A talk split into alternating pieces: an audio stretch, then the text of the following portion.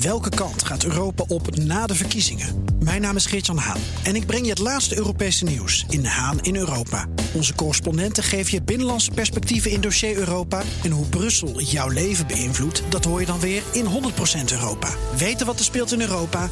Luister naar de programma's van BNR. Dit is een podcast van BNR Nieuwsradio. Hartelijk welkom bij Technoloog. Ik weet het ook een keertje, nummer 95. Oh, gelukkig. Ik had het nu op moeten zoeken. 95 alweer, jongens. 95. Met een prachtige En, eh, gast. Ja, Ja, de- Carlo, dat komt zo. Carlo van der. Nee, ik zeg het wel vast even, Ja, anders dan zappen mensen meteen weg.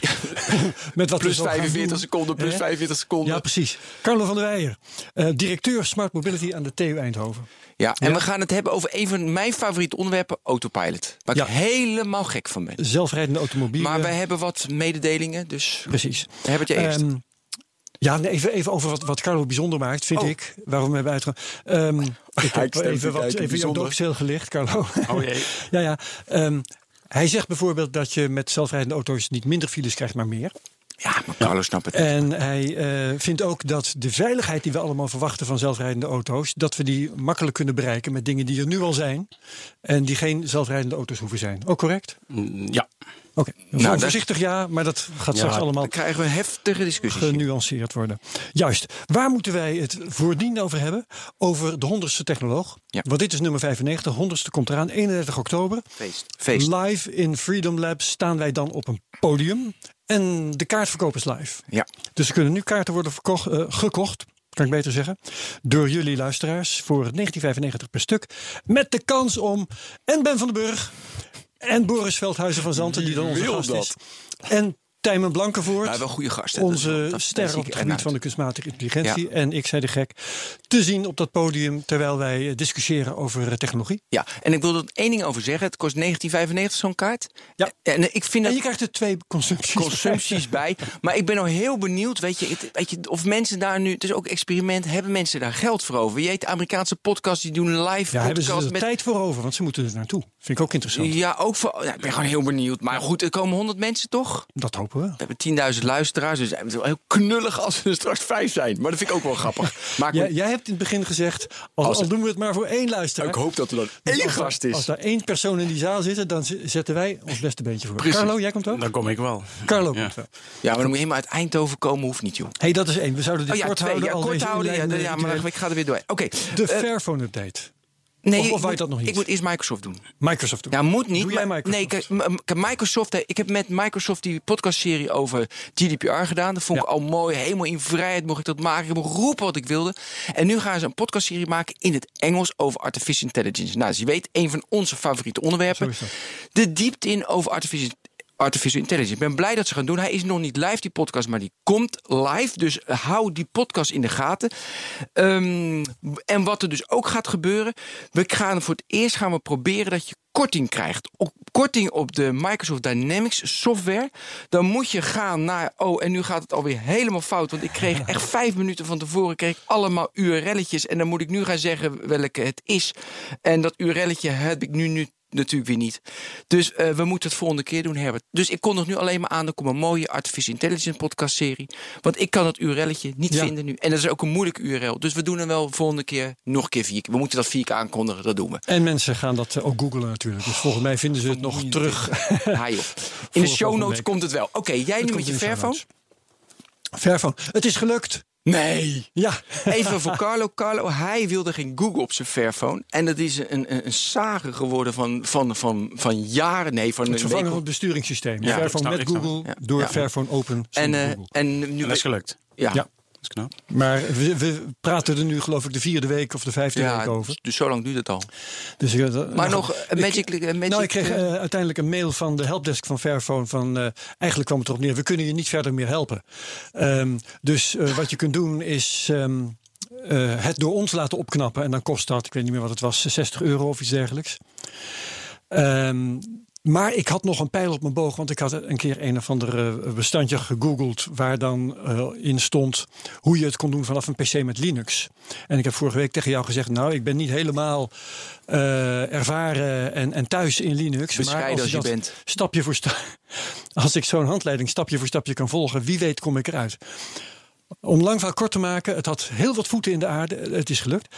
Ik zal je even. Ik had een, een stuk of drie flinke horden te nemen. En ik zal je de mooiste vertellen. Ja. Op een gegeven moment had ik de mededeling: eh, tik nu yes als je wilt dat het gaat gebeuren. Mhm. Dat was dus het moment. Hè? Dus ik tik yes. En eh, er gebeurt niks. Mhm. En ik weer terugkijken. En eh, wat bleek nou? Het was hoofdlettergevoelig. Dus ik moest yes typen met een hoofdletter. En daar krijg je dan niet eens een foutmelding van, weet je wel. Ja. Want eh, nou, alles wat je anders typt dan yes met één hoofdletter, dat, dan gebeurt er gewoon niks. Ja. En krijg je helemaal geen feedback. Ja. Nou, toevallig ben ik daar dus zelf achter gekomen en ging het uiteindelijk goed. Ik heb nu een Fairphone. Nou, met eh, een, een niet-Google eh, App Store erin en met een niet-Google zoekmachine erin. En ik ga nog een niet-Google Maps. En ik wil luisteraars vragen trouwens. Ik krijg wel meer feedback inmiddels van mensen die dit volgen. Ehm, ik wil mijn Google Agenda exporteren en importeren in een app die eh, een agenda eh, aan, mij levert, maar Ja. dan ook weer Google vrij. En ik wil mijn Gmail contacts wil ik exporteren en importeren in een Google vrije eh contactadministratie. dus als mensen daar een, iets op Tip weten, dan heel ja. graag. Ja. Hoe, hoeveel uur heeft het je gekost? Niet te tellen. Nee, maar Nee.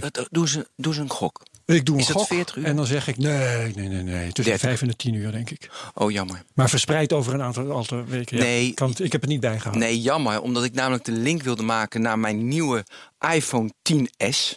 Die natuurlijk veel te duur is. Ja, en vol zit met Google. En vol zit met Google en, En Apple andere en- troep. Maar Ja. wat, een, wa- wat was dit weer interessant, Herbert?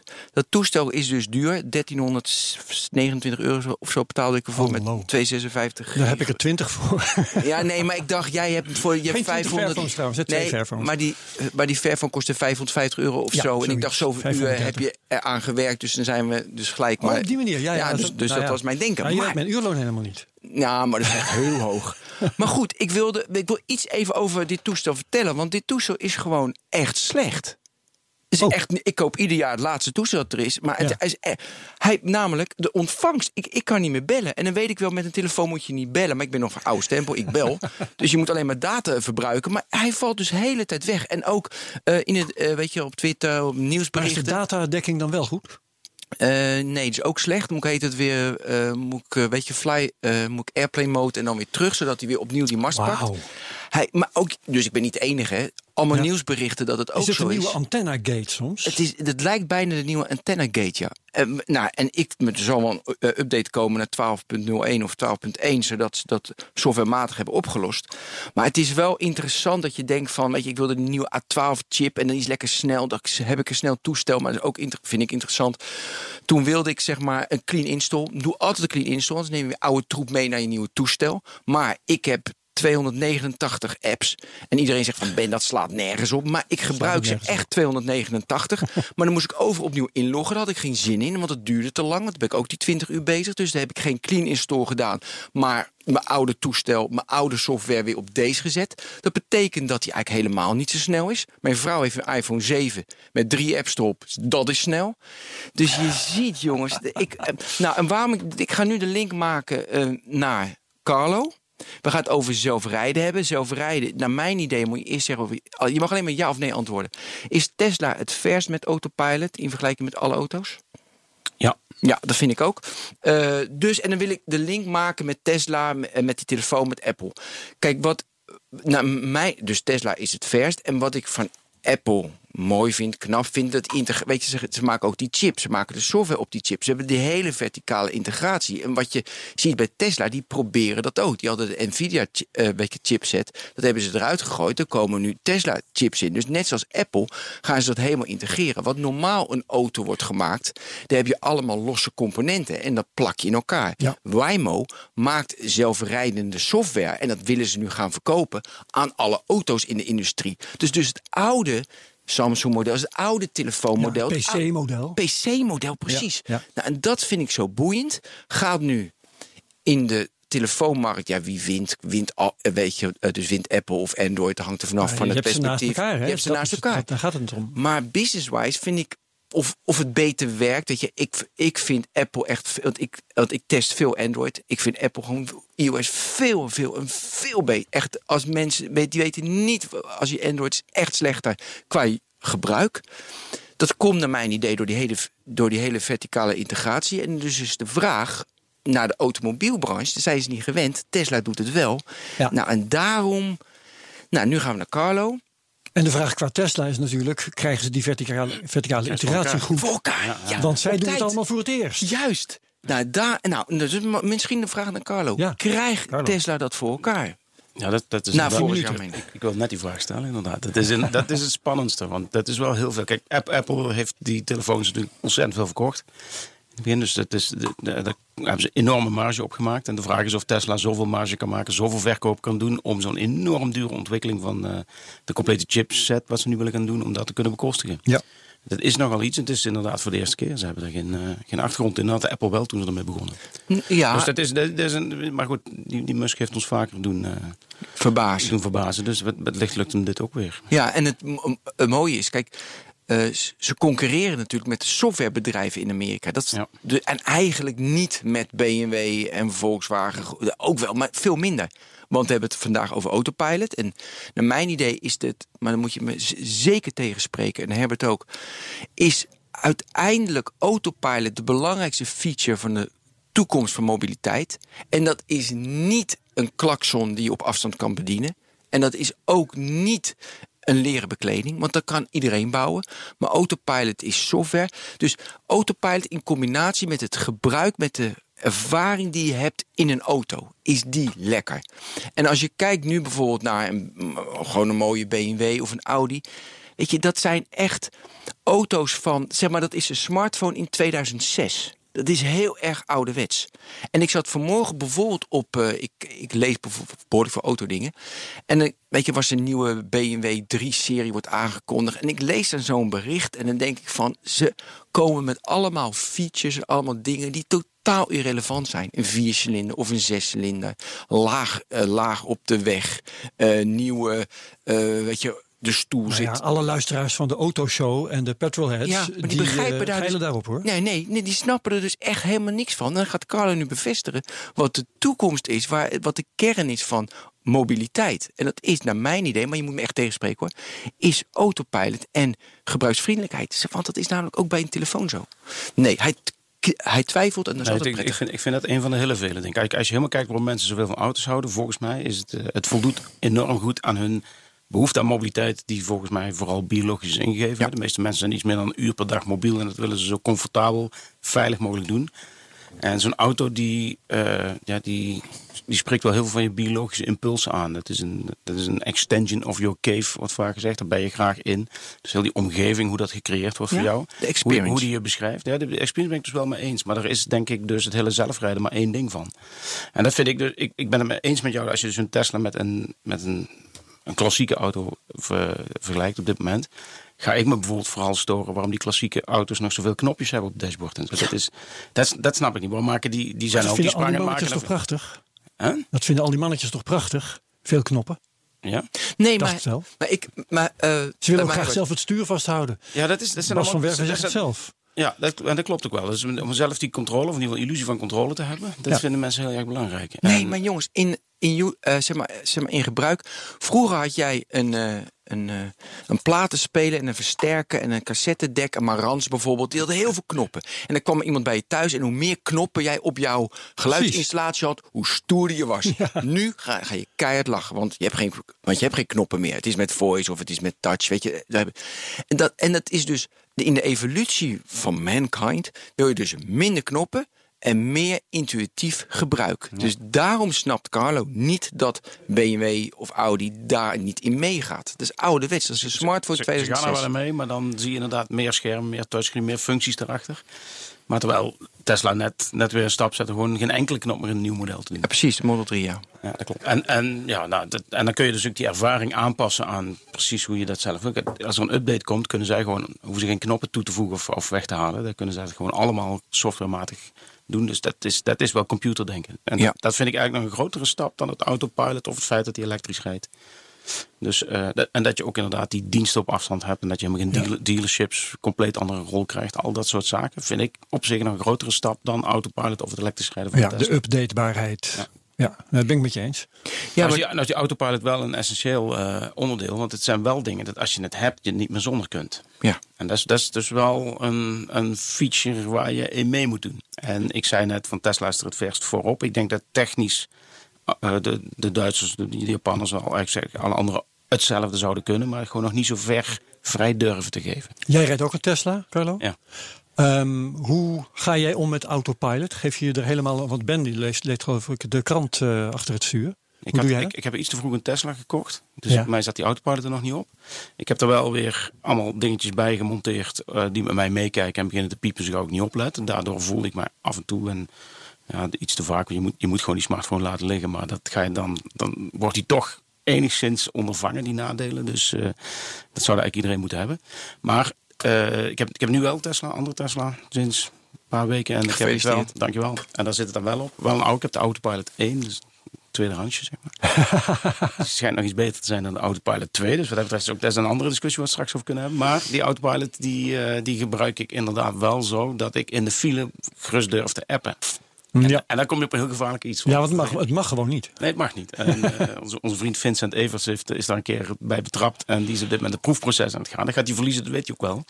Maar die is, die is wel die discussie aan het gaan. Van ja, wat is nou eigenlijk het probleem? Dat als je in de file zit of een heel lang stuk snelweg. Dat je gewoon eens een keer op je app kijkt. En dat die auto dan eigenlijk toch wel redelijk veilig alles ondervangt. En hij, hij en ik begrijpen dat het niet mag. Want je moet ergens die grens stellen. En we moeten niet appen achter het stuur. Maar dat gaat dadelijk nog alleen maar als die autopilot beter gaat worden. Gaat het een hele interessante discussie worden. Ja, ja. Maar, Ehm, ik, maar ik, ik vertrouw hem dus redelijk goed. ja. En, en ik moet ook eerlijk zeggen, iets te goed, want het is gewoon niet zo'n goede chauffeur. Nou, Tesla dat zegt dat zelf ook. Hè? Dat, dat is natuurlijk ook een formele verplichting die ze hebben van eh, blijf wel zelf opletten. Hè? Eh, Zorg ervoor dat je altijd zelf kan ingrijpen. Of ik weet niet precies wat de bewoordingen zijn. Maar wanneer, wanneer durven wij wel ons helemaal aan eh, een zelfrijdende auto toe te vertrouwen? Wat Maar- is daarvoor nodig? Helemaal, ik denk dat we binnenkort wel 95% van de tijd durven. En dat is als je van A naar B rijdt, het eerste stuk rij je zelf op een gegeven moment koop je snelweg of een redelijk voorspelbaar stuk weg. En dan durf je het over te geven. En dat is denk ik op op zich niet zo'n probleem op een gegeven moment. Ehm, en die 95% dat kunnen we steeds beter goed. Er worden miljarden geïnvesteerd. Die andere 5% is misschien wel 99% van het probleem.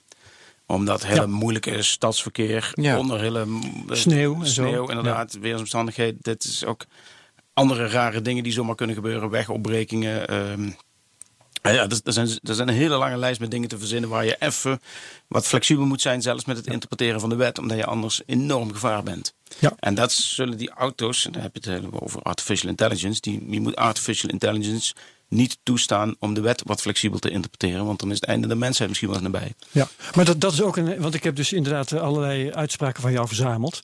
Eh, ik heb er net aan het begin van, eh, van deze aflevering heb ik er een paar genoemd. Wat ik ook een hele mooie vond. De zelfrijdende auto is of wordt, ik weet niet precies wat je, wat je zei, de kluns in het verkeer. Ja.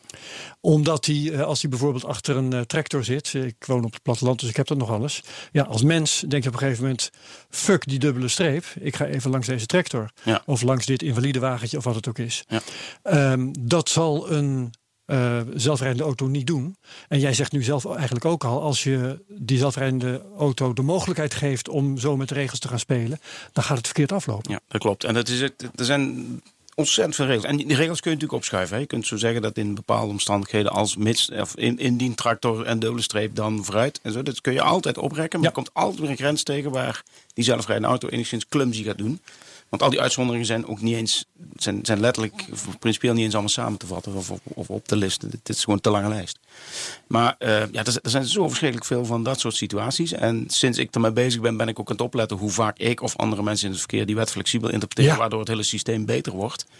Dan, dan ja, dat, dat is voor mij nog steeds een, een principiële onmogelijkheid voor een zelfrijdende auto. Ja, ja, maar die, maar die 95% is natuurlijk interessant. Tuurlijk. Want, ja. want waarom moet dat 96%? Of uiteindelijk misschien wel, want dan heb je inderdaad die. Nee, ja, nee, als, ik, als nu, bijvoorbeeld als er geen chauffeur in de auto zit, dan heb je 100% nodig. Ja, maar ja, nee, klopt. Maar, En, en heel veel van die modellen die. Met andere altijd- woorden, je kunt die chauffeur pas weglaten als je die 100% ja, hebt. ja, ja, en heel veel van het. Of je moet inderdaad zeggen, die zonder chauffeur mag je alleen daar, daar en alleen dan, alleen Hm. bij dit weer.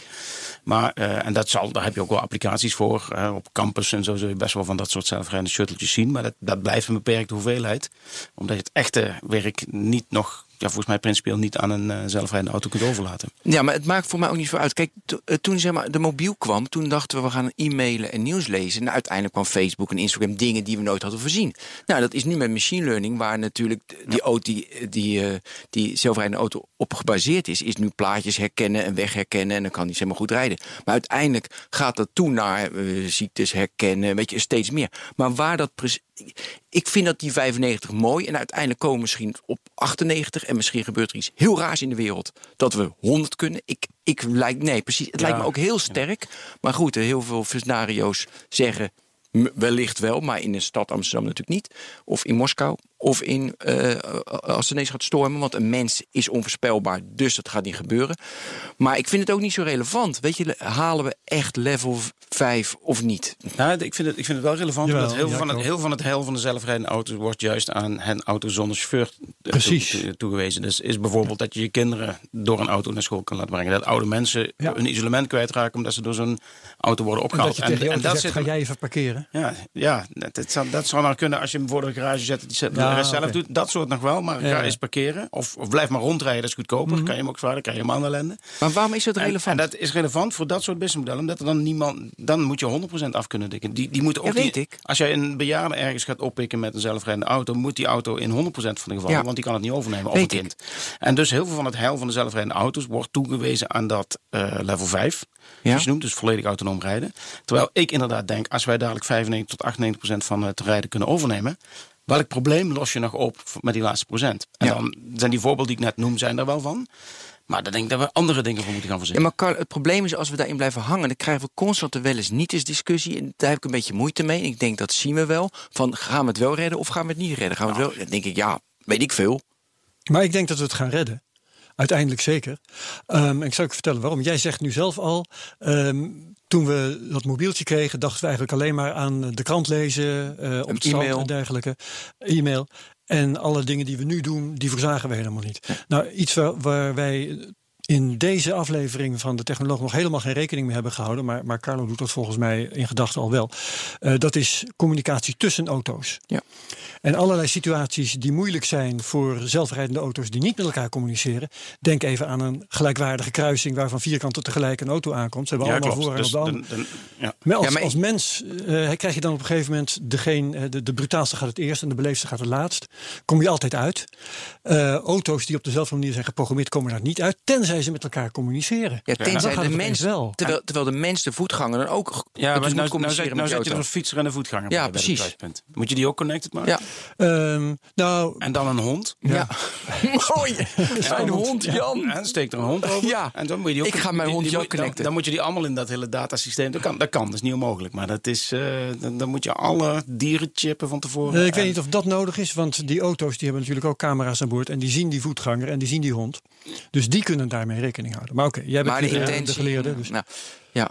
Maar goed, dat is, dat, dat- Maar gewoon, ik wil van die Ben- dis- Maar denk jij die dat we er niet 95 uitkomen? Eh, nee. Ik denk dat we op een gegeven moment wordt het een, misschien dat we er wel uitkomen, maar dan ben je aan een oplossing, aan een oplossing aan het werken die nog een probleem zoekt. Want ik, ik zag net, ik, ik, ik noem net een paar van die dingen van oudere mensen ontsluiten ze allemaal. uit. Ik zie andere dingen die daar veel kansrijker zijn. Bijvoorbeeld, dat, dat is al dadelijk, dat, dat is eigenlijk wat Uber al bewijst. Er is een enorme capaciteit aan mensen die best vrijwillig andere mensen willen rondrijden. Dat soort zaken kun je die laatste 2, 3 procent van het probleem waar je nog oplost, Ja. kun je ermee werken. En het andere punt wat vaak wordt genoemd is dat het, eh hè, er vallen zoveel slachtoffers in het verkeer. Dat is allemaal vreselijk. Dat is, eh, dat, dat is, we moeten wel autonoom rijden. Ik denk dat je, het hoeft niet zelfrijdend te zijn om impliciet veilig te zijn. Ja, daar hadden we Dat, het is al. de, an- dat ja. is de andere. Dus de- de- er zijn veel technologieën die het gewoon overnemen als je een ongeval dreigt eh, te maken. Hoe krijg, want, want er wordt altijd gezegd van de zelfrijdende auto's, ja, die gaan met elkaar rekening houden, die blijven uit elkaars dode hoek en dit en dat. Ehm, hoe krijg je de auto's van nu net zo veilig als een zelfrijdende auto zou Ja, kunnen klopt. zijn? Want dat- jij zegt dat het kan. Ja, nee, dat, die, die kun je een stuk veiliger maken. Dat is het enige waarom ik net even zat daar. Mhm. Het, het is niet, er komen veel technologieën, die moeten ook nog iets beter worden. Af en toe zijn ze zo irritant dat mensen ze afzetten. Ja. Die gewoon meehelpen bij het voorkomen van ongevallen. Ehm, en wat ik zeg, je, je kunt wel een groot deel van de ongevallen die nu gebeuren, kun je eigenlijk al voorkomen met technologie die op de plank ligt, die vaak achteraf ook nog in auto's te zetten is. Dus ik ben, eh, ik ben zelfs met mijn klassieke wagen nu bezig om, hè, die is 52 jaar oud, om daar proberen apparatuur in te zetten Die Wat is het er Even tussendoor. Peugeot 404. Oké, Ja, die heb ik op de GTI, geweldig. turbo. Oké, maar, dit- dat zijn maar ze daar- daar kun je- alleen... ja, eh, daar kun je apparaat op zetten om ook te zorgen dat hij met mij meekijkt. Dus een fout Ja, ja, adaptive cruise control bij wijze van spreken. Dat zou je inderdaad nog. Dat is, dat is wat moeilijker. Maar ten eerste zet ik er gewoon een, een, eh, een, een soort van camera op die met allerlei software met mij meekijkt. En concludeert dat ik niet goed op aan het letten ben. En, zeggen, en begint te piepen. de als camera ik- kijkt naar jou, niet naar de weg, maar Nee, naar naar jou. de weg, naar de weg, naar de weg. Naar de weg? Ja, dus die, die- maar die concludeert, die, die ziet die auto voor mij zo snel dichterbij komen dat hij denkt van nou, die zit niet op te letten. En begint te piepen. Ah, Wat vaak gebeurt als je bijvoorbeeld invoegt, dat je om je schouder kijkt terwijl de auto voor je dan ineens stopt. Compleet om onzinnige reden. Maar dan ben je, dat soort situaties heeft hij mij al een paar keer heel erg goed geholpen. zo. Dus dat, dat soort dingen. Of als je, als je van de lijn afwijkt, terwijl het niet de bedoeling is, omdat je kniplicht niet aan hebt, dat soort dingen. Nou, dat is een van de voorbeelden. Zo heb je nog heel veel andere voorbeelden. Ook technologie die zorgt dat je niet mobiel kunt rijden. Je hebt nou die mono-campagne van, eh, van de overheid. Dat is allemaal zinnig. Dat moeten we, daar heb je ook technologie voor die het onmogelijk maakt, die telefoon. Ja, dat, dat kan niet ten principiale, want dan kunnen je passagiers niet meer aan de mobiel zitten. En dan ja, rij maar eens naar, eh, naar, naar Spanje op vakantie, terwijl je kinderen verbiedt op de mobiel te zitten. dat zou heel goed voor die kinderen zijn. dat wel. Ja, dat zou heel gevaarlijk voor de reis zijn. Maar Nee. goed, dat zijn dingen. Eh, maar, en, en, technologie, en, en zelfs een navigatiesysteem, een goed navigatiesysteem leidt ook tot 15% minder ongevallen, wat veel mensen niet weten. Dus, in Is plaats- dat zo? Ja, ik denk wel eens, eh, als dit maar goed gaat, als ik weer naar dat apparaatje zit te kijken in plaats van naar de weg. Ja. Ja, toch is het. eh, dit, is ongeveer een 1 à 2 procent grotere kans op ongeval. Omdat je inderdaad naar zit te kijken en afgeleid bent en ook vaak dat ding zit te bedienen. Dat leidt tot 1 tot 2 procent meer ongevallen. Maar daar zit een positief effect van 16, 17 procent. Aan de andere kant heeft de TNO en TUF ooit bepaald omdat jij eh, A, minder haastig bent vooral. En B, omdat jij vooral op onbekende gebieden niet meer naar straatnamen zit te kijken, maar gewoon naar Ja, dingen. ja, ja. ja. Ja. Dus, afijn, maar dat zijn allemaal technologie. Het zijn er maar twee of drie voorbeelden van, van heel veel techniek. Die eigenlijk op termijn die auto impliciet veilig maken. Of die nou zelfrijdend is of niet. En vaak wordt dat ook zelfrijdende techniek eh, be- eh, genoemd. Prima. Dan laat dan maar gewoon zelfrijdende auto doen. Maar het is eigenlijk een zelf ingrijpende auto zo af en toe. Ja. Ja. Eh, dus, dus dat is het andere argument waarom dat, dat je zelfrijdend zou willen. Veiligheid. Nou, dat, dat, dat zijn, er zijn veel andere technologieën die nog veel meer bijzetten. Die we eerst moeten stimuleren. In Nederland lopen we achter met dat soort technologieën. Er zijn, eh, we hebben een relatief duur eh, eh, autopark. Het, is, het is duur om een auto aan te schaffen. We hebben kleine auto's gestimuleerd. Dus als onbedoeld bijeffect daarvan hebben we nu relatief weinig van dat soort veiligheidstechniek op de weg rijden. Dus daar hebben we een inhaalslag te maken. Heeft de minister ook gezegd dat ze dat wil. Aan, gaan- aan wil gaan werken. Dus eh, ja, dat is een ander iets waar nog veel te winnen valt. Ja, dus dus veiligheid komt er toch aan. ja, we moeten van ons eh, huidige autopark af eigenlijk. Iedereen moet zijn auto gaan vervangen. Eh, nou, je zegt, je, dat- je dat- zegt wel dat, nou, dat, dat- we dat zou- af, achteraf op kunnen schroeven, maar ik denk dat de meeste mensen dat... Hoe, niet hoe ouder het gemiddelde wagenpark, hoe eh, onveiliger en hoe minder schoon het is. Dat is wel een feit. Ja, Ja. En daarom zijn wij met Denemarken ook een heel rijk land die ook heel eh, hoge autobelasting heeft. Is wat dat betreft ook een relatief onveilig wagenpark eh, wat daar rondrijdt. Grappig. Eh, ik wil heel graag dat je, dat, je, dat je uitlegt hoe de autopilot op een Tesla, want dat is de beste, werkt. Ze Ik, zeg, kamer- ik herhaal even dat het de beste is omdat zij gewoon meer durven dan de merken die wat meer te, meer te verliezen hebben. Mercedes zou nooit zo ver durven gaan in het toepassen van de functies. Terwijl ik wel de indruk heb dat zij dat ze eh, het zouden kunnen. dat ze het zouden kunnen. Ja. puur durven eh, om het in het wild los te laten bedoel je? Ik noem maar Mercedes, maar het zijn al de, de grote merken. Ja, inderdaad. Maar die- heeft Mercedes- Dus, dus daar moet je elke 10 seconden dat een keer goed in het, in het stuur knijpen. Met Tesla, want die vraagt dat af en toe eens een keer tegenaan tikken. En dan, eh, Maar hij is, ook Tesla is daarin strenger geworden. En terecht, Veel er strenger. heel veel ongevallen. Ja. En, Ehm, dus, maar Tesla, maar het aantal camera's is, is een Tesla toch veel meer dan een Mercedes S-klasse? Oh, dat is, Eh, of maakt het niet zoveel uit? Nou, wil je het even uitleggen hoe het Nee, werkt? het is, het, ja, hoe het werkt, het zijn, het zijn vaak combinatie van, eh, van verschillende technologieën. En eh, op termijn zul je waarschijnlijk een combinatie hebben van radar, camera en een LiDAR. Dat is een soort lichtradar. Die echt een complete... Drie, Ja, maar die raad is nu krijgt. nog te duur. Hè? Dus daarom Ja. doen ze voornamelijk camera nu. Daar zijn nu ja, camera's en radar. Maar de LiDAR, dat is vooral een heel duur ding. Dus die, Ja. eh, maar vroeg of laat, als je er maar een, een 20 miljoen van maakt, is, gaat het ook goedkoper. Ja. Ook solid stage te maken, dat er niks rond hoeft te draaien en eh, dat soort dingen. Dus allemaal zaken waar ontzettend hard aan gewerkt wordt om dat veel goedkoper te maken. Ja. Die radar, daar heeft nou NXP bijvoorbeeld weer een nieuw product van. Nou, die gaat dat in één keer. Dan combineren ze weer heel veel chips in één. En dan, dan zie je eigenlijk met alle technologie, als het er maar eenmaal op alle auto's komt, zit er zoveel druk aan om het goedkoop te maken. En dat zal ook daar gebeuren. Ja. Dus dan krijg je van verschillende signalen krijg je iets. Heel belangrijk sensor, wat vaak vergeten wordt, is ook de kaart. Hè? Dus een bedrijf als TomTom en hier, die maken speciale kaarten. En vooral TomTom loopt daar behoorlijk in voorop. Kaarten om eh, eigenlijk om je heen te kunnen kijken. Dus als die auto ziet een boom staan of een gebouw. En dan weet TomTom waar die boom of dat gebouw staan. En daarop kan die auto zichzelf positioneren, ook als het sneeuwt. Dus dat is een extra sensor dat je kunt refereren aan wat je om je heen ziet. En dan eigenlijk redelijk precies kunt weten waar je bent op de weg. En dan heb je positionering met GPS is tientallen meters, maar dan heb je centimeter nauwkeurige positionering. Dat zijn allemaal sensoren die meng je bij elkaar. Dat wil zeggen dat als er eentje uitvalt, dat je nog steeds weet waar je bent. Dus dat moet niet, eh, dat moet elkaar ondervangen. En als je dat eenmaal weet waar je bent en wat je allemaal ziet om je heen, dan is het redelijk eenvoudig om te beslissen wat je ermee doet en ook dan te gaan sturen. Dat zijn gewoon simpele servomotoren. En dat is de techniek niet. Dus een, een, een wereldbeeld maken is het moeilijkste van het hele Ja, dus eh, die sensoren die verzamelen al die data in de auto. En daar ter plekke denkt hij van... oh, nu moet ik eh, een beetje de weg naar links. Nu moet ik een beetje in het midden rijden. Ja. Daarop reageert hij ter plekke. Ja, en, en wat is dat wat ik zie? Dat En is, wat dat, is er wat dat ik is zie? heel erg moeilijk natuurlijk. Want je ziet ook artificial intelligence. Je hebt veel van die voorbeelden van... eh, ja, of, of iets nou een ijsbeer is. Of ik weet Ja, dat is een fantastisch. Ja, Ja. op de Verge stond. Dat moet je wel in de show notes zetten. Ja, dat doe je. Oh, ik kom in de show ja. notes. Maar dan zie je inderdaad, of, eh, of de artificial intelligence, dan ziet hij dat een ijsbeer is. Even later denkt hij geloof ik dat het een, eh, Ja, een meerkat. een, een meerkat is. dat is zo'n- een, een eh, hoe heet eh, Eh, meerkat is Engels. maar ja, dat soort ding. En, die en- omhoog staat. ja, Stokstaartjes. Stokstaartjes. Hey. Jongens, ja, we hebben hem. Afijn, maar dat, en je ziet ook inderdaad van ja, ik, ik weet dat het een ijsbeer is omdat je die plaatjes naast elkaar ziet, maar daar lijkt het inderdaad meer op stok. Ja, maar- En zo heb je heel veel van dat soort dingen, dat moet je maar weten. En ehm, ja, dat, dat, moet, dat moet die auto beslissen. En dat is nog moeilijk voor artificial intelligence. Er zijn dus ook be- gevallen bekend van vrachtwagens die nu van die automatische remsystemen hebben, die eh het ingang van een tunnel op een zonnige dag als een groot zwart vlak zien en vol op zijn remmen, vol op de rem gaan.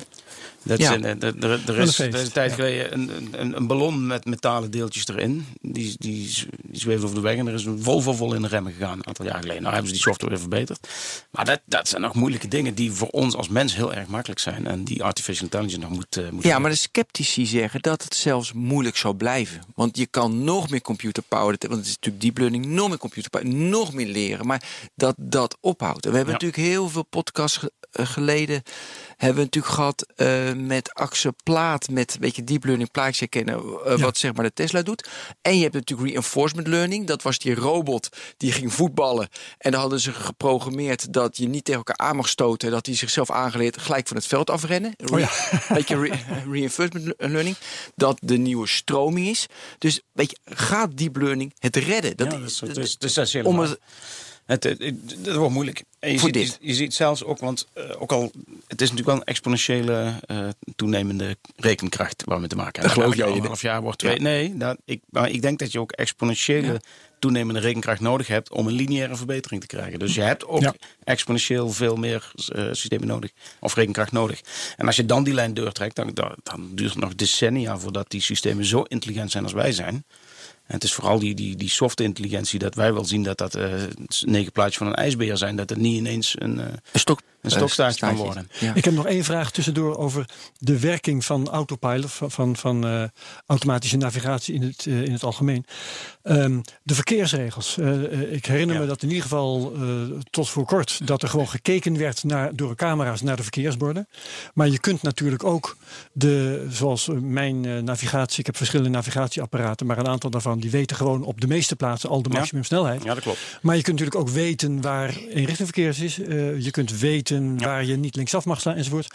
Dus hoe ver zijn we in het eh, stoppen van de verkeersregels in eh, de auto zelf? Ja, je, hebt, je, hebt dus, je hebt dus twee verschillende eh, benaderingen ervan. Eén is inderdaad, nou, de overheid weet precies wat de verkeersregels overal zijn. Dus die Ja, laat ze maar aanleveren. geef, laat ze maar aanleveren. Dat is een enorm dynamisch iets. Hè. Op de snelweg verandert de maximumsnelheid al af Ja, en toe. oh. Ja. Dus je hebt, je hebt voorspelde dynamica, dat je nu al weet dat morgen om 7 uur die snelheid verandert. Maar je hebt ook nog een keer dat er spontaan de snelheid verandert. Want als er een file is, staat er boven 70 en hoor je eraan te houden. Dat is een voorbeeld van dat het wel levensgevaarlijk is als je dan ook precies op dat punt 70 gaat rijden. Want dat is een aankomende file. En dat, is- dat moet je wat flexibel interpreteren, anders wordt het gevaarlijk. Maar toch, dat zijn dingen die ergens op een centraal punt bekend zouden moeten zijn. Hebben we dat in Nederland beter georganiseerd, denk ik, dan waar ook. Eh, dat weet ik ook uit ervaring. Maar dan nog is dat nooit 100% correct. Het is ontzettend moeilijk om zo'n database goed geregistreerd op één punt centraal. Je zegt dus eigenlijk, je moet blijven kijken met de camera naar Dus, verkeersborden. dus heb je die camera erbij. Dat kan natuurlijk elkaar versterken. Dat je die, die basis hebt en dat die camera dat, eh, dat controleert. Maar ook daar heb je een, eh, ja, da- daar kunnen ook fouten in, in optreden. En dan zeg ik nog, hebben we het in Nederland goed georganiseerd. Probeer dat ook maar eens in dan over Kenia dat- of zo, ja. En zoiets, zo'n auto wordt niet verkocht als dat alleen maar in Nederland werkt, zo'n eh, zo'n feature. Dus daar moeten ze vanuit gaan dat het over goed georganiseerd is. Nou, dat, dat is bijna onmogelijk om dat te doen. En als je dan weer van je camera's in de auto's uitgaat, dan krijg je allemaal andere gevallen. Dat eh, bijvoorbeeld, ik reed pas door de Ardennen. En er waren, eh, dit is die, die snelweg achter Luik door. Dus dat, dat rijdt goed door. En er waren wegwerkzaamheden geweest, schijnbaar. En daar, daar stond een bord aan de zijkant. Stond niet, niet naar, de, naar de chauffeur gekeerd, maar dat stond er nog. Met maximum snelheid 30 erop. Waarschijnlijk hadden ze daar even staan te werken. Nou, als je, als je dat. Nou, eigenlijk weldenkend mens denkt van ja, dat is, dat is, ze hebben een bord vergeten. Maar zo'n zelfrijdende auto die gaat op zijn rem, die gaat 30 rijden. Totdat hij weer een bord ziet. Dus dat kan best. Of bij de volgende oprit of zo. Dan gaat hij 10 kilometer 30 rijden. Nou, dat zijn allemaal dingen die dus inderdaad, als je, als je weer vol op die camera's gaat, dat er ook wel fouten in kunnen sluipen. Ja. Of je zou voor de grap is gewoon een bord met 30 aan de kant van de weg kunnen zetten en kijken hoe groot de puin op het wordt. Dat zijn allemaal dingen die, die daar weer een probleem van zijn. En dan kom je weer op dat vlak van de menselijke interpretatie van dat soort zaken, die volgens mij de komende decennia nog nodig blijft. Ja. En waardoor jij denkt dat van die zelfrijdende auto, dat gaan we voorlopig niet meemaken. Ja, dat, op een gegeven moment zal het misschien wel kunnen, maar dan heb je eigenlijk geen probleem meer om op te Level lossen. Dat is mijn verwachting. Dat level 5 inderdaad. En, en, maar die lagere levels, die hebben misschien wel grotere impact. Dus goed om daarover te Ja. praten. Ja, maar ik wil, ja, dat gaan we zeker. Maar ik wil, even, ik wil even afmaken. We hebben dus al die data in die auto. En dan sturen ze om de zoveel tijd. Het is natuurlijk heel veel data. Sturen ze dat naar Tesla. Even zeg maar Tesla Ja, in dit ja, geval. want volgens mij doet BMW en Mercedes dat helemaal niet. En dan eh, gaan ze allemaal scenario's draaien waar het, het misging, waar het goed ging, waar het goed. En dan komen ze met een update met verbeterd rijden. Ja. Ja, gaat dat zo? Het is, het is inderdaad, het- je, hebt een, je hebt een grote cirkel. Want ik gaf net ook al voorbeelden dat je, eh, om je positie te weten, moet je gaan naar de zijkant kijken of er een gebouw staat of een boom staat en zo'n dingen. Want als je het gebouw en de boom nou weghaalt, want dat kan, zou die auto niet meer weten waar die moet zijn. Dan ziet hij dat van, hé, hey, dat is dan volgens mij een boomdame staat er niet meer. Dus dan moeten die auto's zelf, dat is, dat is eigenlijk impliciet nodig, dat die auto's zelf ook hun bevindingen weer delen met een grote back-office. Dus je moet, wat die auto ziet, moet die, want die auto maakt enorm veel data. Daar met 15 camera's ziet hij alles. Dan moet hij op een of andere manier, want dan kun je niet allemaal naar de zijkant sturen. Ook niet als we dadelijk 6G, 7G, 8G hebben, wat dan ook. Dus dat moet gepreprocessed worden in die auto. Dus je hebt een chippy nodig die dat voorbewerkt. Dan die data in, in- als metadata weer naar de zijkant stuurt. Daar moet er iemand chocola van maken. En eigenlijk met een directe loop dat weer terugsturen. Zodat die, kaart, die kaart soort van live Ja. wordt. Vroeger deed je elke drie jaar zet je een nieuwe kaart op je navigatiesysteem. Voor dit soort systemen moet die eigenlijk real-time zijn, maar zeg een paar minuten, misschien een uur oud zijn, dat soort kaarten. Ook voor variabele snelheidsregels, al dat soort zaken. Dan, zou je, dan krijg je dus dadelijk een soort van kaart die door de auto zelf actueel gehouden wordt. Ja. En dat is ook de reden dat zo'n Intel heeft Mobileye gekocht voor 15 miljard. En die gaan nu samenwerking aan met Hier. En die drie partijen kunnen die cirkel sluiten. En ja, dat, dat zie je nou de concurrentie allemaal naar kijken. Van hoe gaan we dat ooit doen? Dus je moet een goede camera hebben in die auto. Je moet goede pre-processing in de auto hebben. Je moet naar de zijkant kunnen sturen. Daar moet iemand de chocola van kunnen maken en het weer terugsturen naar de auto. En Ja. dat is een cyclus waar enorm veel waarde in zit. Ja. Ja. Want die auto's die, die meten alles. Dat zijn, de, dat zijn de big data providers van de toekomst. Want die rijden rond. Die hebben 15, eh 15 camera's. Die, die weten precies wat de luchtdruk is. Die weten of het regent. Die weten alles. Die weten hoe Ja. druk het is in de winkels om te zien ze.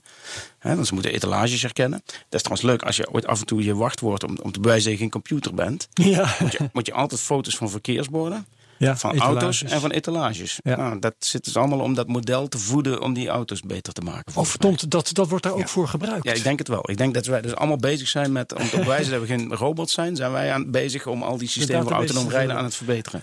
ik, vind, het- ik vind het opvallen dat je bijna altijd van vragen krijgt van, eh, herkent het verkeersbord? Ja, precies. Goeie. Wat, Ja. wat is de auto? Wat is de etalage? Ja. Nou, dat zijn dus allemaal, om dat modelletje wat ik nu net noem, om dat te gaan verbeteren. Dan zijn we dus massaal, want dat, dat, dat soort Ja. beoordelingen krijgen ze miljoenen binnen per dag. Zijn we dus massaal die auto's beter aan het maken. In ieder geval wordt hier ook al mee geoefend eh, bij TomTom en bij Google Maps. Hè? Want Ja. dat eh, actueel houden van de file-informatie, dat is in feite net zo'n proces als wat jij nou eh, Ja. schetst. Ja, precies. Actueel, TomTom heeft die kring al gesloten, maar dan heb je het eigenlijk maar over één data, dat is de positie en de snelheid. Precies. Ja. Dus TomTom belt elke minuut met een paar miljoen auto's, zeg maar. Ja. Die rondrijden, of ze nou navigatie gebruiken of niet. En dan krijgen ze allemaal data van binnen. En daardoor maken zij die navigatie, of de, de, de, de verkeersinformatie beter. En dat sturen ze dan weer uit. Dus die, hebben die, die cirkel hebben ze heel goed gesloten voor navigatiesysteem. En dat doet Waze ook, dat, doet, dat doen er meer op dit moment. Maar ja, TomTom loopt daar nog wel in voorop. Eh, maar die cirkel gaat dan alleen maar over de snelheid van auto's. Precies, ja. En als jij dadelijk al die data van die camera's nog moet gaan sluiten. Maar daar zit zoveel waarde in. Misschien dat dat op een gegeven moment. Theoretisch zou dat misschien wel eens meer waard kunnen zijn, die data die auto's maken, dan wat het kost om met de auto te rijden. Dus ik- Met andere woorden, dat, ja, dan, ja. Dan zei Google van hier, ga maar, of, of weet ik Hier niet, heb je een zegt, auto. Hier heb je een auto. Ja, en je krijgt geld toe. En, en hoe meer je rijdt, hoe Ja. liever. Nou, de Nederlandse geld- consument geld- zou er graag zijn privacy voor opgeven, Eh, volgens mij. En Her Intel Mobile Eye, die zitten bij Mercedes, toch? Dat is toch... eh, hier is inmiddels van Mercedes, ehm, eh, Mercedes, Audi en BMW. Die hebben ja, het overgekocht. Die hebben, ja, die hebben Ik denk ook dat ze bang waren dat anders Google die markt over zou nemen. Dus die, Mhm. Wat dat betreft zal er voor TomTom ook nog een toekomst zijn, denk ik. Want het, is, het zijn er maar drie die dat kunnen. En daar zit TomTom nog wel zwaar in. Maar ehm, ja, die hebben dus deel van hier, in, of die hebben zich ingekocht. Intel heeft dat gedaan. ja. En die hebben Mobile aangekocht omdat dat de beste camera's zijn. ja, die had Tesla, ja. Ja, en daarom Tesla heeft Mobile uiteraard Eruit gegooid. En Nvidia, dus, dus het verschil tussen Autopilot 1 en 2. Ja.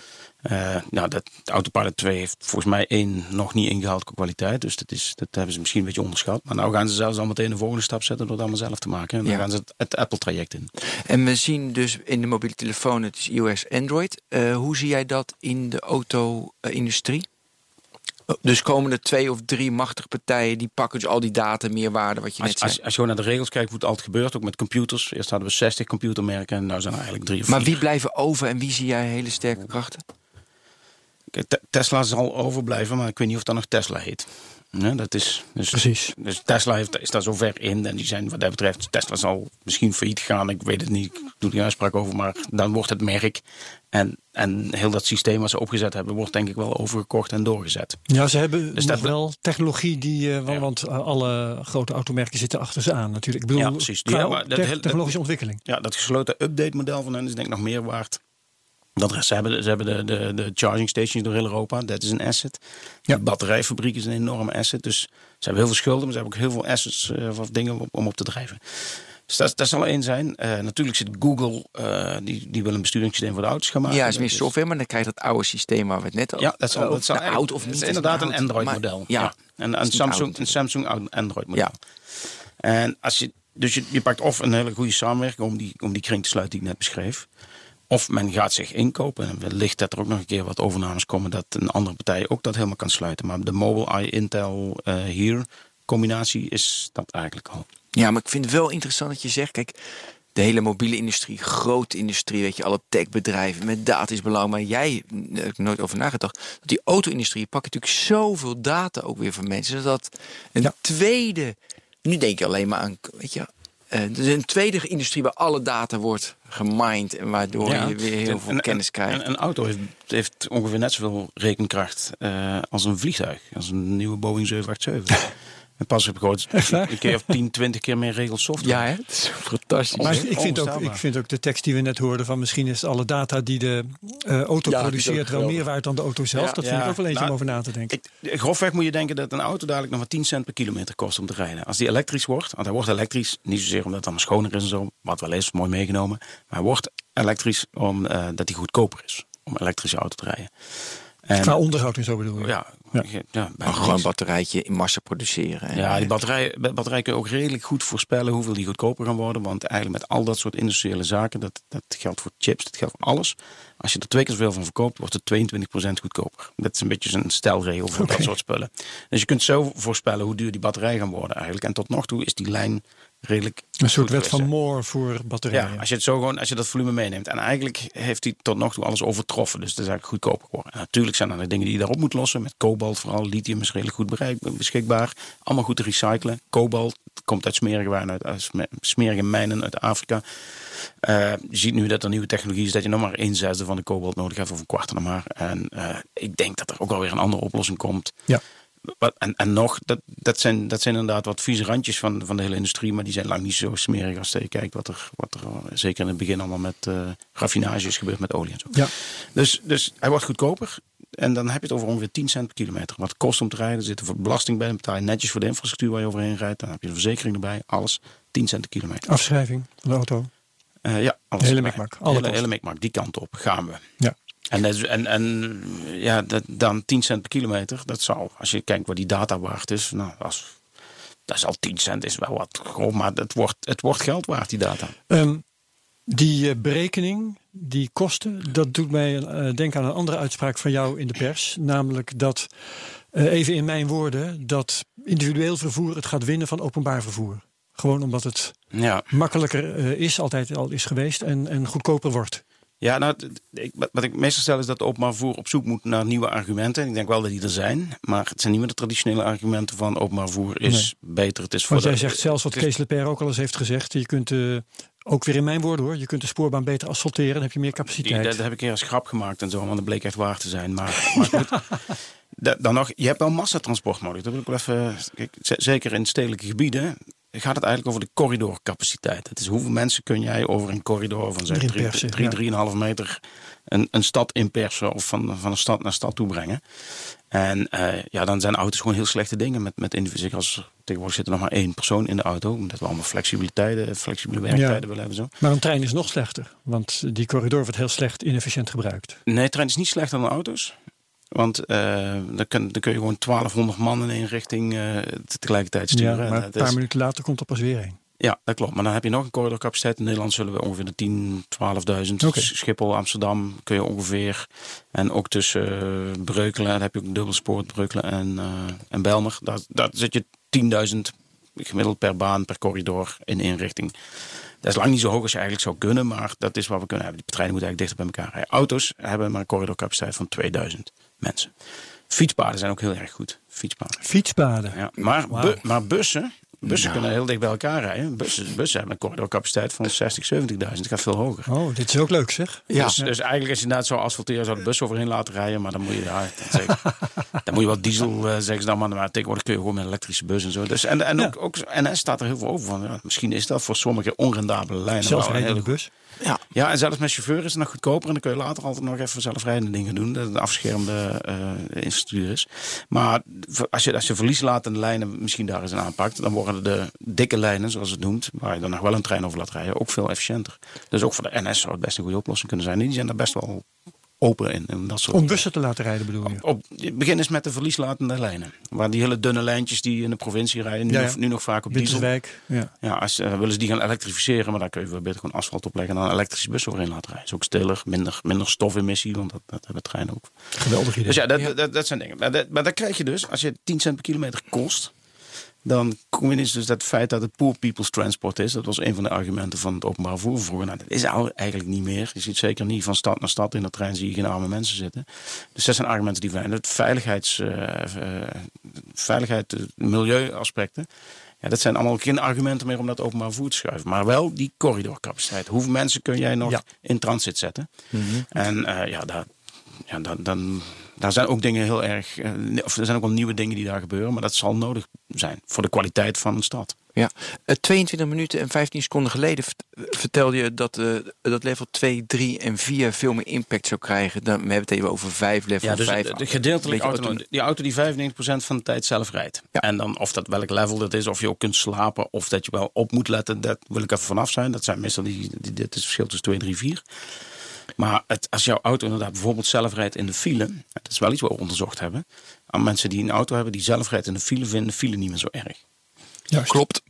Herken je dat? Ja. Ja, ik rij zelfs niet meer binnendoor. Dus Ja, ja, dat is- want, dat is een ja, want dan Ja. zegt Google Maps, rij binnendoor. denk ik, ja, dag. Je gaat wel in de file ja, ik ga staan. lekker in de Ik file ga staan. staan. Als jij, Heerlijk. als jij 10 minuten in de file staat en je kunt daarvan 10 minuten werken. Je bent trouwens maar 9 minuten later op je werk.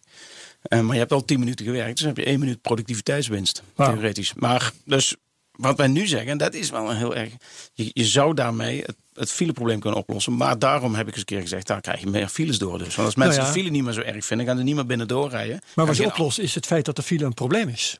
Ja, je, Dat je, los je je, op. je lost het fileprobleem op door het probleem op te lossen. Niet door de file op te lossen. Ja, maar, je, maar daar vererg je de file wel mee. Dus ja, voor maar de als mensen die elektrische nog... auto's zijn die in de file staan, is het ook niet zo erg meer. Nee, dat klopt. Dat is milieutechnisch is file sowieso niet zo erg. Ja. Want mensen rijden namelijk een uur per dag. Die rijden een bepaalde afstand. Die gaan hun gedrag aanpassen om maar een uur per dag te rijden. Dus is een file op zich milieu, eh, of eh, goed voor het milieu. Maar dat, dat zijn andere. Ja, Zeker ja, elektrische Oké. auto. Ja, maar het is wel interessant wat je nu zegt. Dat mensen zeker. altijd een uur eh, zeg maar, rijtijd en, houden. en wij, mo- wij moeten een keer af van het idee om elke keer te faciliteren dat die mens maar verder en verder en verder kan. Zo is dat. Ja, en dat, dat is wat wij met snelwegen, maar ook met treinbanen, en zeker met hoge snelheidslijn doen.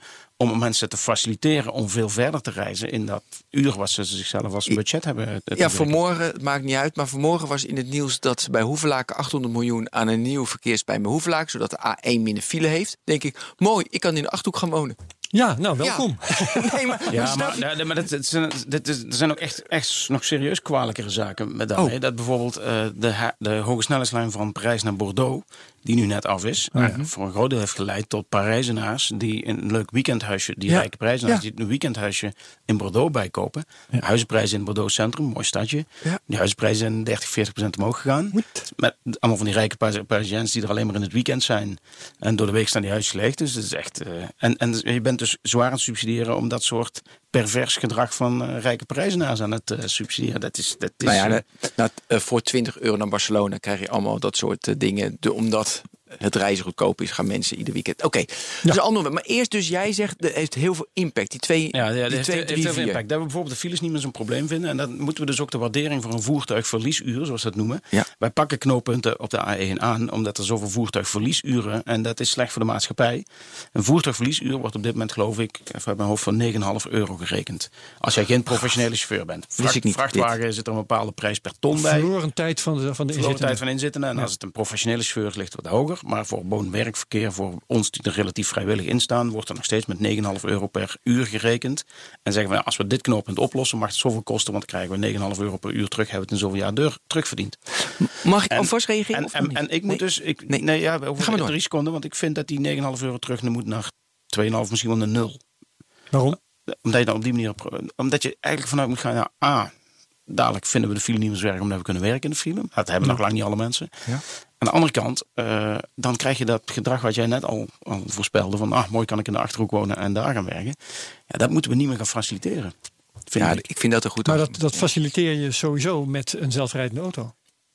Ja, dat, ja dat, va- zelfrijdende auto's gaan dat mede faciliteren. Ja, want Ja. als jij het inderdaad niet zo erg vindt om in die Maar zelfs in een zelfrijdende auto wil jij niet, liever niet Anderhalf dan, uur. eh, dan eh, anderhalf uur per dag eh, eh, onderweg zijn. Dus, want dat is toch eh, reizen. En reizen zit er bij ons biologisch in dat we, dat het, liefste, dat we het liefste doen. Ook niet minder, maar ook niet meer dan 1, anderhalf uur. En eh, of je nou opgesloten zit, of je laat vervoeren, of dat je nou aan het lopen bent. en Zo, het is altijd, ze zijn biologisch zo afgesteld dat we het gelukkigste zijn als wij per dag zo'n uur onderweg aan het zijn. Ja. Dat schijnt het beste te zijn voor onze overlevingskansen. Dan wil je en weer- weer uit, voortplantingskansen.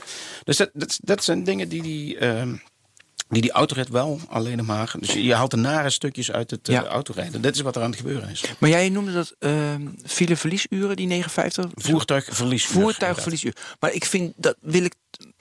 Kijk, want mensen moeten alles sneller, sneller. Je moet productief zijn en werken. En ik denk, ja, ik heb een zelfrijdende auto, dus ik kan, kan ik natuurlijk alles doen. Maar als ik dat niet zou hebben, dan denk ik van, joh, toch heerlijk even rust. Toch even niks. De hele dag is al hectisch. Dus waarom.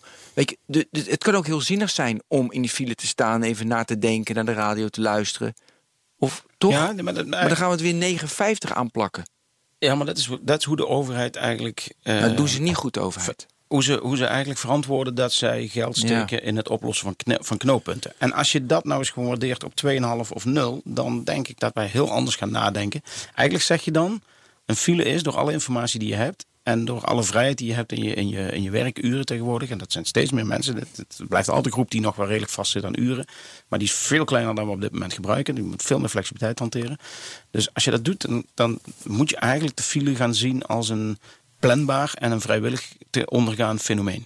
Ja. Ja, maar ik zijn- vind, er ik zijn- vind er zijn genoeg 59 nog, nog best heel laag. Want dat is natuurlijk geen uurloon voor wie dan ook. Dus voor een Nee, nee, schoonmaakster nee, nee, al maar dat is, dat is dus 9,5 uur. Je- Je ziet je kinderen per uur eh, een, of een uur minder, omdat je later thuis komt. En dat kost dan 9,5 uur. Dat is je iets te veel laat meer werken. waard. En, dan gaat, en het, eh, Het, het, is, het, is, het, is geen, het is niet op basis van verlies, verloren arbeidsuren. Nee. Het is op basis van verloren vrije uren. Nee, maar zijn dus de, de maatschappelijke kosten zijn dan 9,5 euro, zeggen ze. Maar dat jij je kinderen laat zien, dat zijn kosten voor jouzelf. En dan moet je zelf eens overwegen of je dan niet wat dichter bij je werk moet gaan wonen. Of Ja. dat je eens ander werk moet gaan zoeken. En dat kan natuurlijk niet altijd. Vroeger hadden we een hele beperkte actieradius. En mijn vader is ooit verhuisd 16 kilometer verder, omdat hij daar een baan kreeg. Maar ja. toen nog, werkte mijn moeder nog niet. Zij was de enige, hij was de kostwinner. En je ging een nieuwe baan nemen in de veronderstelling dat je daar de rest van je carrière bleef. Dus dan ging je daar naartoe verhuizen. Tegenwoordig heb je een baan voor vijf, zes jaar. Als je, een beetje, als je niet te labiel bent, dan is het nog korter. Of, of je hebt een flexibele baan dat je dan weer eens daar werkt en dan weer eens daar Ja. werkt. En vrouw werkt ook, dus dan is het wat moeilijker om dat zomaar te volgen. Maar die, om, om maar te blijven faciliteren om dat bizarre reisgedrag ja, normaal te vinden. Ja. Dat, dat vragen we ons nooit af. En, en hoe, voor, voor hoeveel mensen de fiets wel niet een veel beter alternatief is. Ja, dat, dat, dat, daar moeten we ze een klein beetje toe duwen. Dus Nou, dat, dat wordt al gefaciliteerd door de e-bike inmiddels. Hè? Dus Ja, ja, dat is ja, wel een beweging in die richting. ja, en, en ik, Merkbaar. ik, ik doe dat ook. Dus, Goed zo. ja. Maar goed, dus, dus dat, zijn, dat zijn volgens mij zwaardere implicaties nog van dat zelfrijdend. Ja. Dan, dan het feit dat we daar een complete economie hebben met zelf Ja. rondrijdende autootjes zoals Google het voorspelde. Voorspeld de, hè? Ja, zeven jaar geleden zei ze over vijf jaar heeft niemand meer een auto als Volkswagen. Ja, wat laten we daar eens over gaan hebben. Ja, dat, dat, Wanneer? Het, ze hebben het gezegd van ah, vijf jaar. En, en, en dan wordt het ook altijd gezegd van ja, kijk maar de smartphone. Kijk eens, tien jaar geleden had nog niemand een smartphone. Nou wel iedereen. Het wordt vaak omgedraaid. Hè? Dat, een, dat, dat, dat een doorbraak achteraf blijkt een stom idee van vroeger te zijn. Of een raar idee. En dan, dan zie je ook altijd die enquête van, eh, van Frans Bromet. Die dan gaat vragen aan mensen van eh, wilt u ja, deeltje? wel? Nee, je kunt ook een brief schrijven. Dat, dat soort dingen. Aha. En dat wordt dan als bewijs gezien dat van, ja kijk maar, de- de- de- Nee, een, dat is een raar idee wordt een doorbraak. Maar dat is een foute redenering. Ja. En een doorbraak is, begint meestal wel met een raar idee. Maar het is in 99% van de, van de gevallen zijn raar ideeën ook gewoon echt rare ideeën. Dat wil niet zeggen dat het andersom is. En dat is wel een klein beetje een af en toe een, een religieus eh, idee. Dat als het een raar idee is, het ook per se zou moeten gebeuren. En, Ja. en, en, en ja, Google voorspelde inderdaad dat de automobielindustrie, dat waren de Kodaks, de Volkswagens. Hè, dat zijn de, die, die zitten nog op filmrolletjes en en dat zou over vijf jaar voorbij zijn. Dat zei ze zeven jaar geleden. En, en Volkswagen heeft ondanks alle ellende hun beste jaar ooit achter de rug. En dat bolletje van Google, wat ze dan voorspelden dat ons hier voor de deur zou ophalen. Zo'n horizontale lift was dat eigenlijk. Dat is, dat is inmiddels al met pensioen. Ja, wil je me Iets, eh, iets meer vertellen over Waymo? Want weet je, ik kijk al die, naar die website en naar die filmpjes en denk ik, joh, het is echt zelfrijdend. Maar ik, Mij valt wel altijd op. Wat weet die- je er die- meer van? Die, die filmpjes zijn opvallend vaak versneld afgedraaid. Ja, En het- want waarschijnlijk als je op normale snelheid afdraait, denk je van, jezus. maar, heb, maar heb je iemand gesproken die erin heeft gezeten? Ja, Want het ik- schijnt echt zo te zijn. Een druk op de knop, die auto komt voorrijden, je stapt erin en hij brengt je naar een Nou, andere dat, plek. dat- ik, heb, ik heb erin gezeten. Die betrapt wel. eens. Ik ben- Gaaf, je hebt erin gezeten. Ja, maar toen reed hij niet. Maar, eh, Nee, je top, vertel. ja, er zit, er, zit dus, er zit inderdaad geen stuur in, maar er zit wel een, eh, een eh, stuurknuppel bij. En daar zijn ze gewoon aan het rijden in de stad. Dus Ah, dat, is, dat is sowieso. Eh, maar dan, dan laten ze het af en toe los en dan laten ze het ding doen en dan wordt er geregistreerd. Maar dit- je moet er altijd in kunnen rijden met een stuurknuppel op dit moment. Ze zijn nog niet vrij aan het rijden. Nou is dat wel weer twee jaar geleden, dus ik weet niet of ze inmiddels al wel verder zijn als ik ze zou betrappen. Ze hebben nu eh, van die Chrysler Pacificas, dat zijn Ja. wat, wat grotere ze samenwerken met Fiat ook. Dus die hebben 20.000 Jaguars besteld van die iPace. Ongelooflijk, hè? Ja, ik, ben, ik ben heel erg benieuwd. Wat dat, eh, of dat, dat zou dan een taxiservice moeten gaan, gaan opleveren.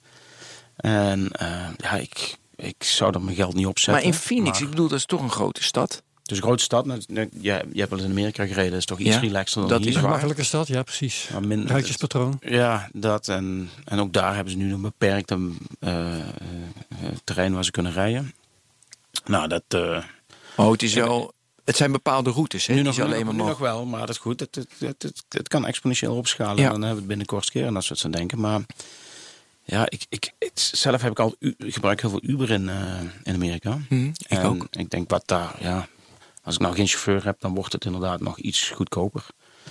Niet zoveel, want die mensen, ja, dat, Ja, die, eh, die doen het goedkoop. het goedkoop zijn vaak mensen die dus inderdaad, die vragen altijd wie het zijn, maar het zijn heel vaak studenten die blij zijn dat ze s'avonds nog even een, een uurtje kunnen rijden. En zo, weet je wel. Dus dat, dat, dat komt erop dat Ja, voor terecht. sociale aspect. En, Ja, eh, dat zie je, dat, dat, zijn, dat is misschien wel betere systemen. Dus wat, wat er op termijn een uur met een vrijwilliger zou sowieso kunnen winnen van een eh, autonome auto. Maar ja, of, of dat ooit gaat werken met dat soort eh, systemen, Ja. vraag ik me af. Ja, eh, wat hebben we nodig? Eh, zeg maar, we hadden net als grapje, dan moet je ook een hond, dan moet je ook eh, het connected maken. En, en ieder mens. Ja. Oh, ja, voetgangers. Wat is er, hoe belangrijk is dat de wereld ook connected is? Dat Ja. zei je net al, maar we moeten ook. Ja, de, de verkeerslichten hebben we natuurlijk allemaal gezien. Die, ja, verkeerslichten is heel in Helmond dus- dus- experiment dus en- Wat in Helmond nu gaan doen is dat jij die verkeerslichten kunnen gewoon over de cloud zeggen wanneer ze op groen gaan, zodat je eigenlijk al op een paar kilometer een snelheidsadvies krijgt van misschien 1 kilometer per uur harder of zachter. De intelligente wegberm. Hè, dat, eh, dat ja, maar dat, dat- die intelligentie moet wel vooral in, het, eh, in de cloud zitten. Niet zozeer echt in de weg. Je moet niet meer allemaal spullen naast en op de weg gaan bouwen. Want over het algemeen is smart mobility is een smart vehicles en een stupid infrastructure probeer ik altijd te Maar nu, nu komen we weer in de Maar buurt van een uitspraak wat- van jou. Ja, zeg maar. Ja, wat, wat, wat, wat, ze moeten doen. Kijk, op zich zal een autonome auto's tot meer file rijden. Ten eerste wat we net al zeiden, omdat mensen het file niet meer zo erg vinden, minder file ontwijkend gedrag gaan vertonen. Ander punt is dat die autonome auto's voor alsnog veel meer afstand van elkaar nemen dan wij normaal zijn te doen. Ja. Wij rijden ongeveer 0,6, 0,7 seconden van elkaar en de afstand, dus dat is behoorlijke capaciteit. En, eh, en, en die auto's die zouden dat meer doen, want eh, zolang die niet met die andere auto kunnen Ik wou communiceren, net zeggen, ja. Eh, is dat geldt twee seconden. Want ze moeten kunnen remmen, ze moeten altijd verantwoordelijkheid voor hun eigen acties hebben. Dus als deze auto voor wat voor reden dan ook vol op een rem gaat, moeten zij dan kunnen remmen. Maar ze gaan natuurlijk wel met elkaar communiceren. dus ze gaan, pas als ze met elkaar gaan communiceren, kun je dat gat weer terug gaan dichten naar misschien 0,7, misschien zelfs nog iets korter. Een metertje, ja. Ja, en dan moet je inderdaad eh, dan moet je een afspraak hebben tussen die twee auto's. En dat wordt nu heel erg aan gewerkt. Daar hebben we zelfs Nederlandse technologie die erin voorop loopt en zo. Dus dat kunnen we. Dus hoe ga je die met elkaar laten praten? En heb je daar de infrastructuur nog voor nodig? Of zoeken die auto's dat zelf uit? Dat zijn de religieuze bespiegelingen Ja. die je krijgt. Als je de infrastructuur namelijk daarvoor klaar moet maken, is dat heel duur. Moet je voor wifi over de hele infrastructuur. Dat is in Nederland niet eens zo duur, want hier ligt elektriciteit langs elke weg en glaskabel langs elke weg. Maar Duitsland heeft dat bijvoorbeeld nog niet zo. En BMW gaat geen auto produceren met, Nee. met features die alleen maar in Nederland doen. Maar je, je hebt in dit verband gezegd, eh, eh, de intelligentie komt in de auto's en daarom Ja. heb je hem langs de weg niet nodig. Dan heb je hem langs weg minder nodig. Ja.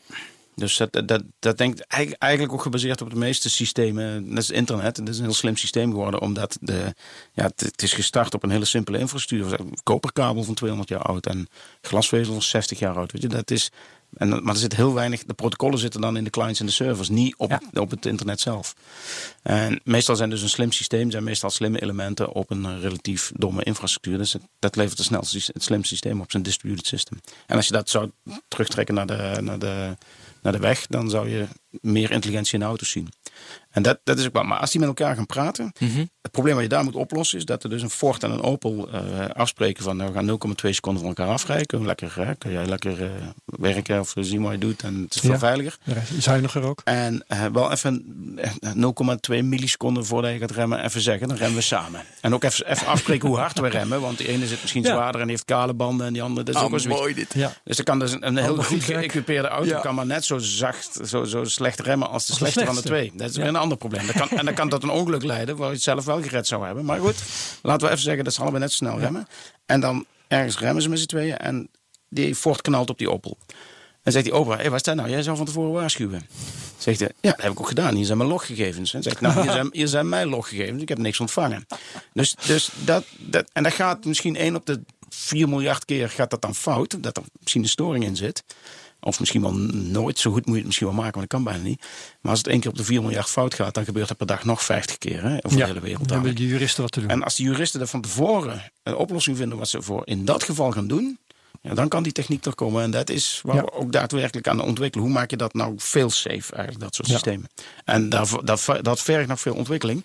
Maar die coöperatieve systemen moeten dus wel komen om dat zelfrijdend eh, niet nog meer file problematiek. Want dan gaan die auto's allemaal heel ver Maar zijn de industriestandaarden worden nu afgesproken hiervoor?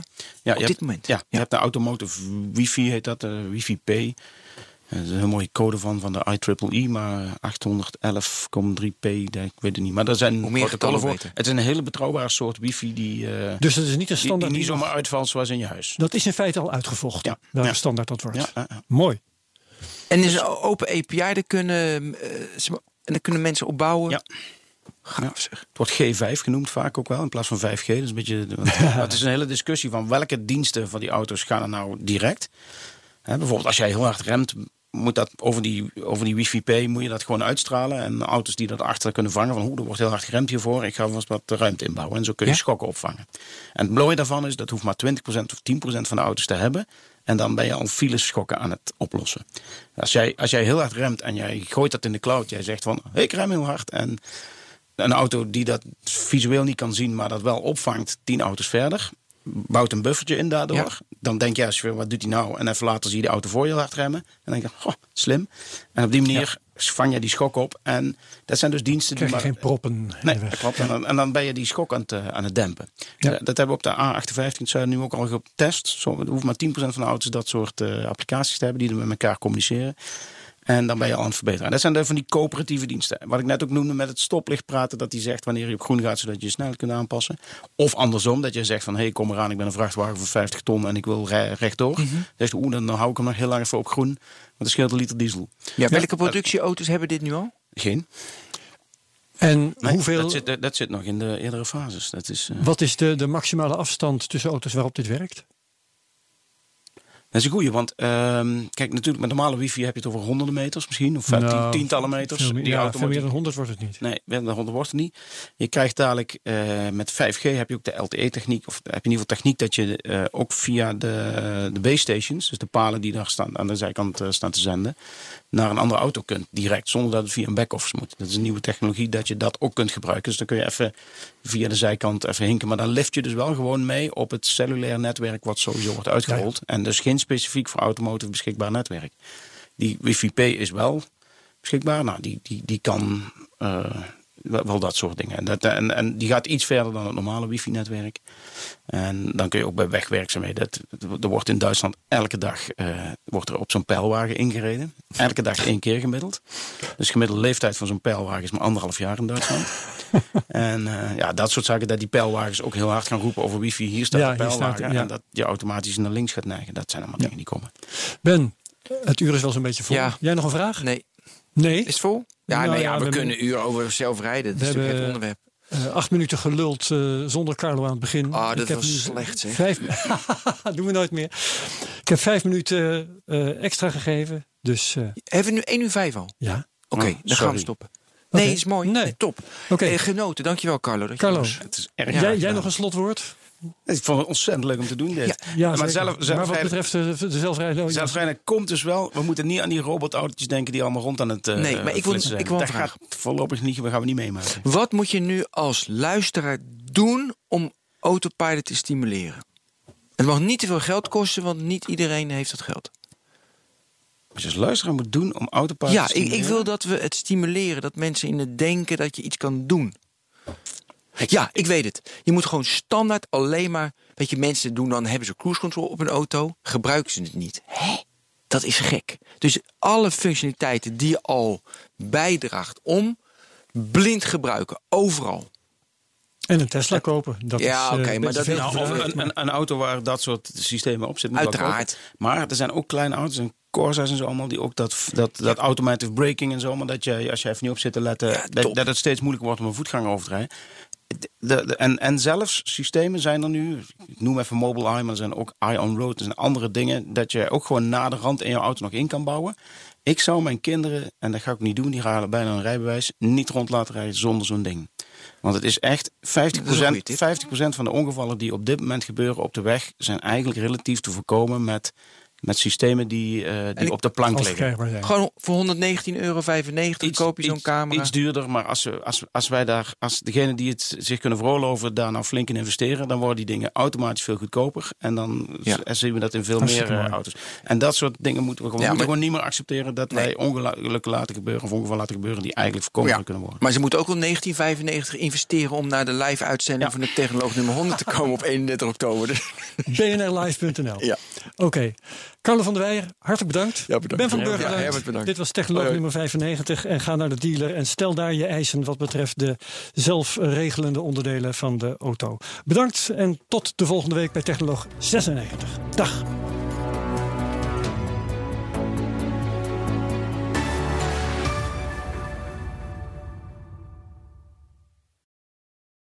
Ook Bas van Werven vind je in de BNR-app. Ja, je kunt live naar mij en Iwan luisteren tijdens de ochtendspits. Je krijgt een melding van Breaking News. En niet alleen onze podcast Ochtendnieuws, maar alle BNR-podcasts vind je in de app. Download nu de gratis BNR-app en blijf scherp.